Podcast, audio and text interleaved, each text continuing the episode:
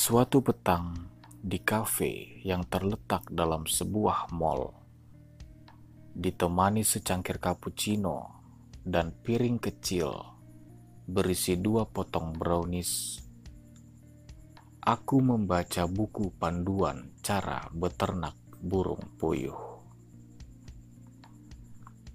Aku percaya jika bisa disiasati dan dinikmati, menunggu tidaklah membosankan.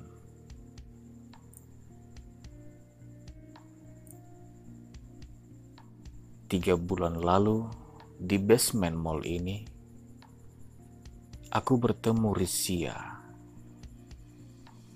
Dia melintas ketika aku baru selesai memarkir mobil. Antara ragu dan rindu, kuseru namanya. Dia menunda langkah dan menengok. Satu kebetulan yang indah. Sedannya terparkir tak jauh dari kijangku. Setelah basa-basi sebentar dan saling memberi nomor ponsel, dia pamit pulang.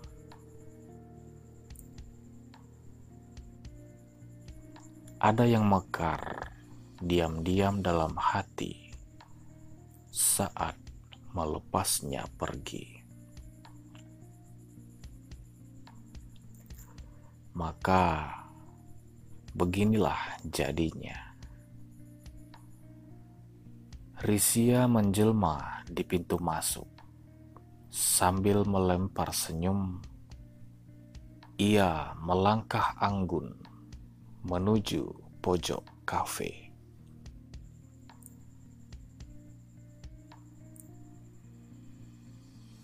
Maaf terlambat. Sudah lama menunggu.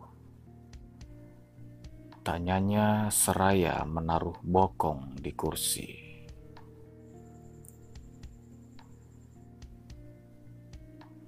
Tidak juga.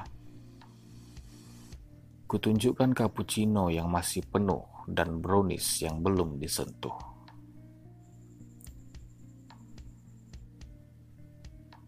Dia baru pulang kantor. Bisa kutebak lewat pakaiannya. Gaya semi formal khas anak muda kemeja putih ketat dipadu blazer coklat muda dan celana denim biru. Sepatu berhak tinggi membuatnya tampak jangkung. Rambutnya yang dulu tergerai sebahu kini pendek memperlihatkan leher jenjangnya.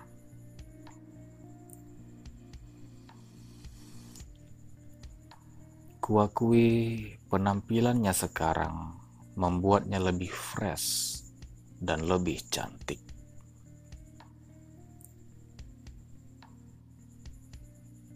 Diam-diam, kucermati bahasa tubuh Risya.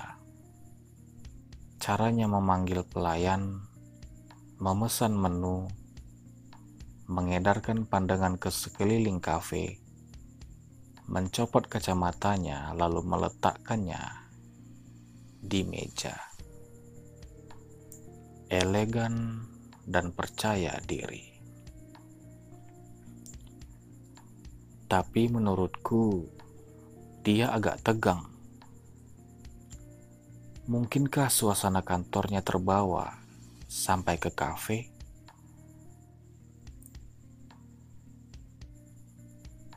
Kuingatkan padanya, dia bisa lebih rileks akhir pekan begini. Ya, inilah aku sekarang. Kilahnya senewen.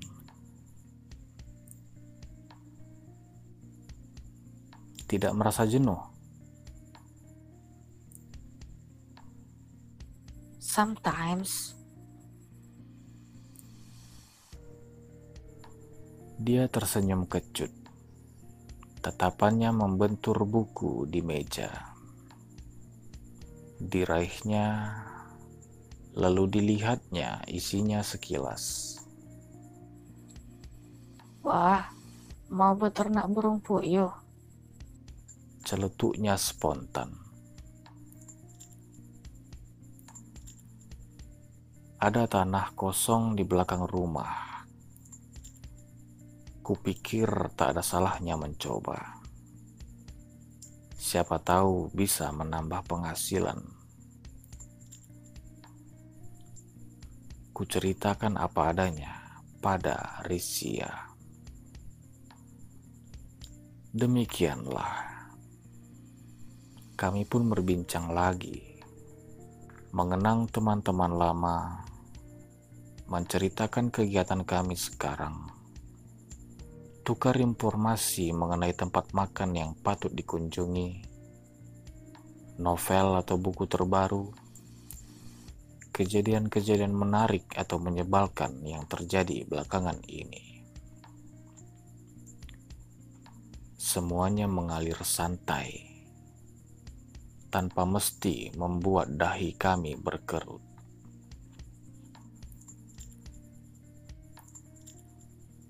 Tiga tahun belakangan ini bisnisku lumayan menanjak. Aku jadi rutin bolak-balik Tanjung Karang Metro. Memesan alat-alat pertanian, mengurus distribusi barang untuk minimarketku, bertemu mitra bisnis, sembari pasang kuping barangkali ada peluang bisnis lain yang menjanjikan. Semua aku kerjakan sendiri dan aku menikmatinya.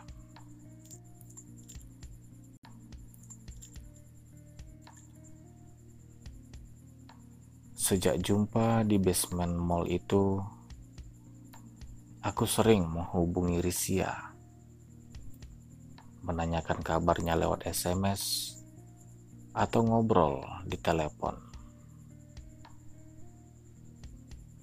Kami tinggal berlainan kota. Risia di Tanjung Karang, aku di Metro. Sekitar 6 jam jaraknya. Selalu kukabari Risia jika sedang di Tanjung Karang. Dia tidak pernah menolak jika kuajak makan atau jalan-jalan menyusuri Bandar Lampung. Ini masalah perasaan. Semua yang kulakukan bersama Risia berjalan tanpa sepengetahuan Dinda. Jika dia tahu rumah tangga kami yang selama ini tenang bakal geger. Dia pasti ngamuk, menganggapku suami yang lupa anak istri. Bisa jadi dia pulang ke rumah orang tuanya. Atau akan diburunya Risia, lalu mendampratnya sebagai perempuan perusak rumah tangga orang.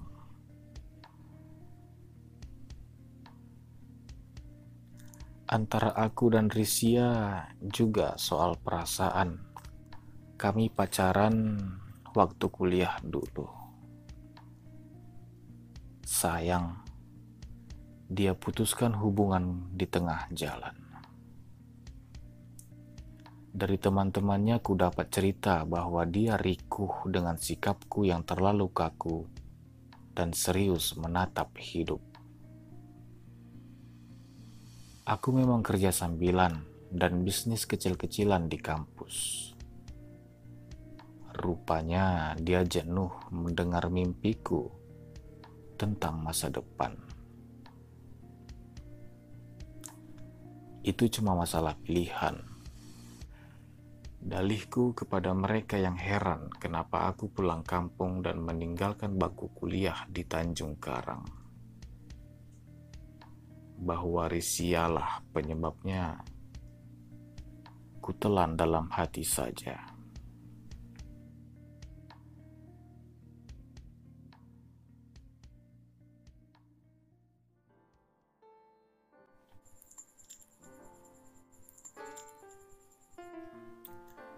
Malam minggu di Cafe Diggers, kami bertemu lagi. Rendezvous sederhana di tengah rutinitas yang monoton. Hidup memang butuh variasi. Bersama desir angin, suasana temaram, dan musik jazz, kami nikmati panorama kota di bawah sana yang bertabur lampu warna-warni.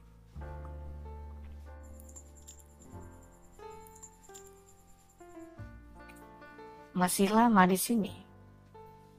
Tanya Risia sambil mengaduk-aduk lemon tea.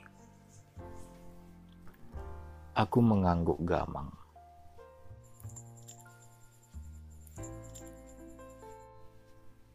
Urusanku belum selesai pengusaha hasil bumi yang mau kutemui baru pulang dari Jakarta besok pagi. Hatiku nyengir membayangkan begitu mudahnya mengarang cerita. Begitu mudahnya berdusta pada wanita.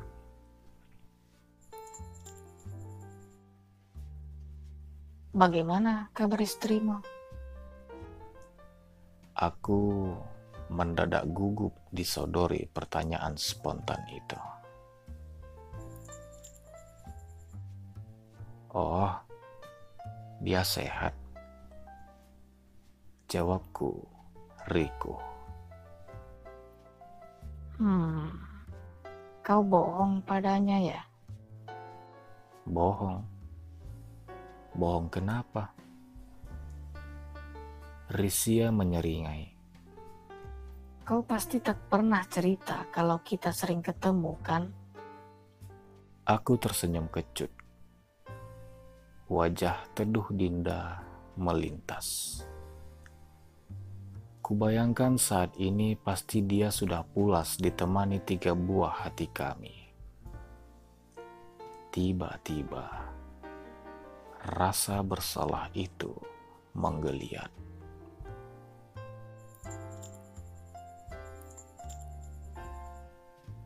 Dinda tak pernah tahu. Setiap berada di Tanjung Karang, kuhianati kepercayaan yang dia berikan. Ah, kesetiaan dan kejujuran memang menyakitkan. Kuhela napas sesak, mengusir bayangan rumah dari benak.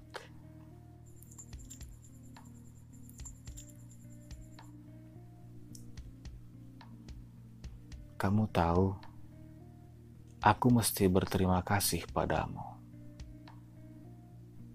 Risia heran. Terima kasih untuk apa? Kejarnya. Kalau saja kamu tidak memutuskanku dulu, mungkin aku tak akan seperti ini.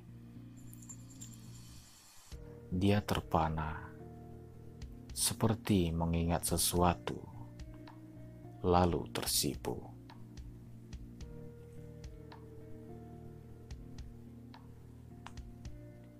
Ah, kenapa mau mengungkit masa lalu?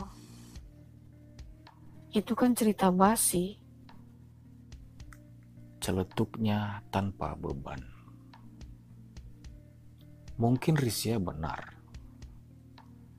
tapi jujur saja, cerita basi itulah yang menyulut dendamku pada kehidupan. Di kampung, aku menjejali diri dengan kesibukan. Selain mengurus ladang, juga bergiat di organisasi dan kooperasi. Kini telah kupetik buah dari dendam itu.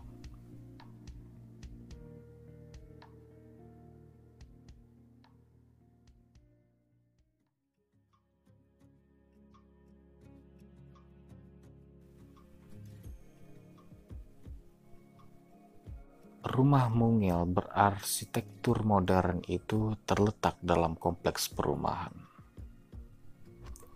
Risia pernah cerita bahwa rumah dan sedan di garasi itu jatah orang tuanya. Sementara isi rumah itu dibeli dengan uang tabungannya sendiri. Jika sedang di Tanjung Karang, Risia kerap menyuruhku menginap di rumahnya ketimbang di hotel. Kupikir itu tawaran menarik. Selain hemat, aku bisa lebih dekat dengannya.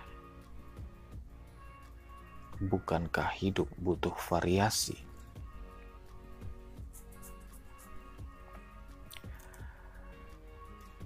Malam itu untuk pertama kalinya aku menginap di rumah Risia. Menjelang dini hari, kami masih bersantai di kursi rotan di teras belakang. Bulan sabit mengintip dari balik awan. Risia mengenakan sweater hijau dan celana pendek selutut. Kedua tangannya dilipat di perut. Langsat betisnya membuat jakunku berkedut. Aku capek. Lirih suaranya membuatku terkesiap. Lihatlah sinar matanya yang meredup. Capek kenapa? Dia bungkam seperti memikirkan sesuatu. Kamu tahu, usiaku sekarang 30 lebih. Teman-temanku sudah menikah dan punya anak. Sementara aku masih sendiri. Aku hanya bisa bertanya dalam hati. Sampai kapan hidup seperti ini?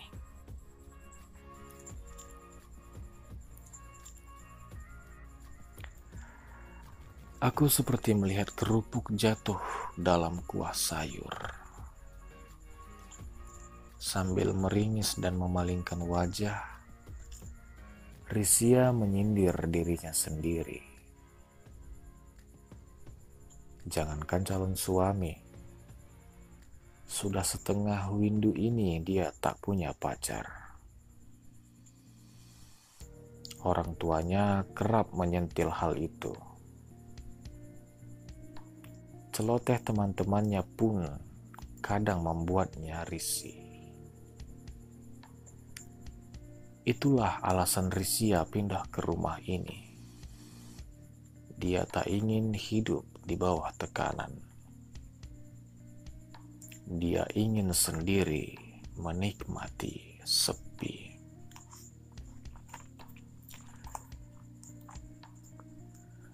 Kuingatkan padanya bahwa dia bakal kecewa jika mencari lelaki sempurna. Dia tak akan menemukannya. Malah bisa jadi bumerang yang akan menyiksa dirinya sendiri. Kusindir juga sikapnya yang terlalu selektif memilih pasangan. Sudah waktunya ia membuka hati untuk laki-laki yang tulus mencintainya. Terimalah kekurangannya dengan ikhlas. Toh mereka bisa memperbaiki kekurangan itu bersama-sama.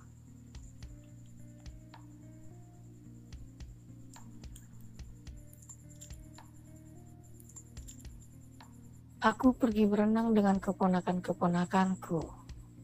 Roti bakar dan kopi sudah kusiapkan di meja makan. Jangan pulang sebelum aku datang. Aku bangun tidur jam 9 lewat. Dia tinggalkan pesan di secarik kertas yang diselipkan di bawah ponselku. Tulisan tangan yang rapi dan tegas. Gila. Pikirku sambil mengucek-ngucek rambut. Aku ditinggalkan sendirian dalam rumahnya. Apa dia tak khawatir kalau aku berniat jahat? Ku telepon ponsel Risia. Nomornya tak aktif. Aku mendengus.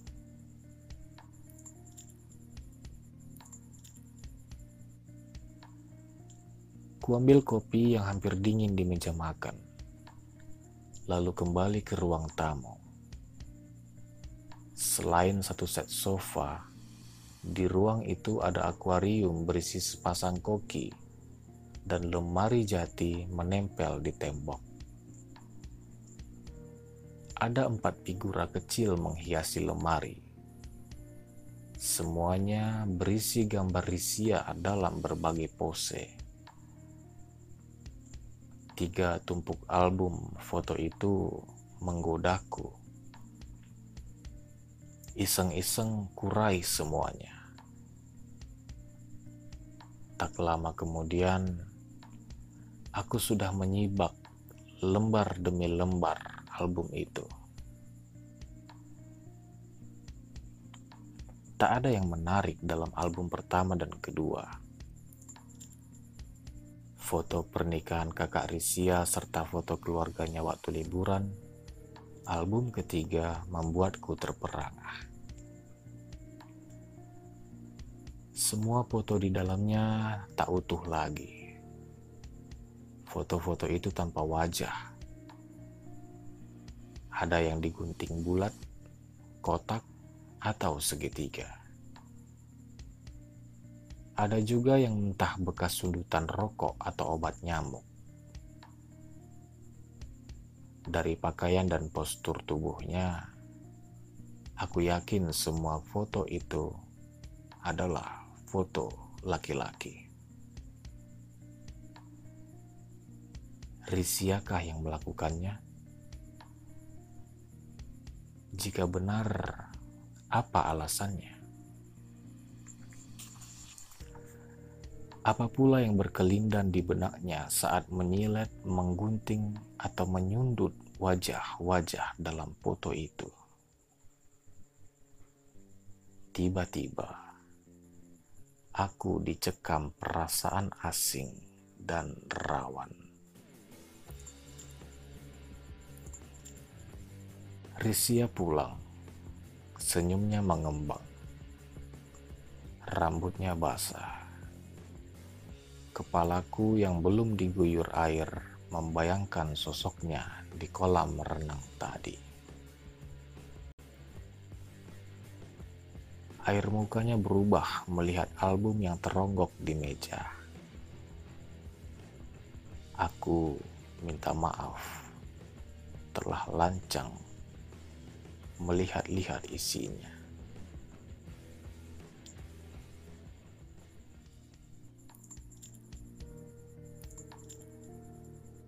Ini semua foto mantan pacarku. Dari yang pertama sampai terakhir. Dari yang iseng atau serius. Semuanya telah mematahkan hatiku.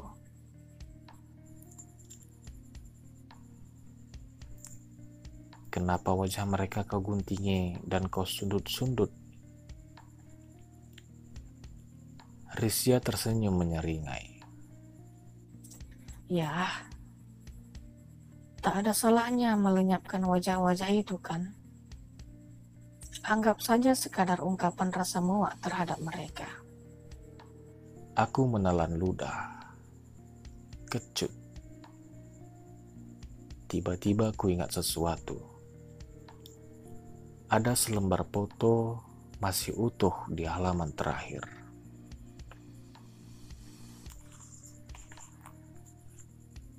Digelitik penasaran, kutanya padanya.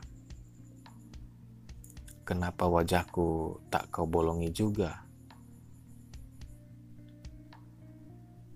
Risia tampak salah tingkah. Sepi bernyanyi. Aku menunggu hingga terdengar suaranya lirih. Mau tahu kenapa?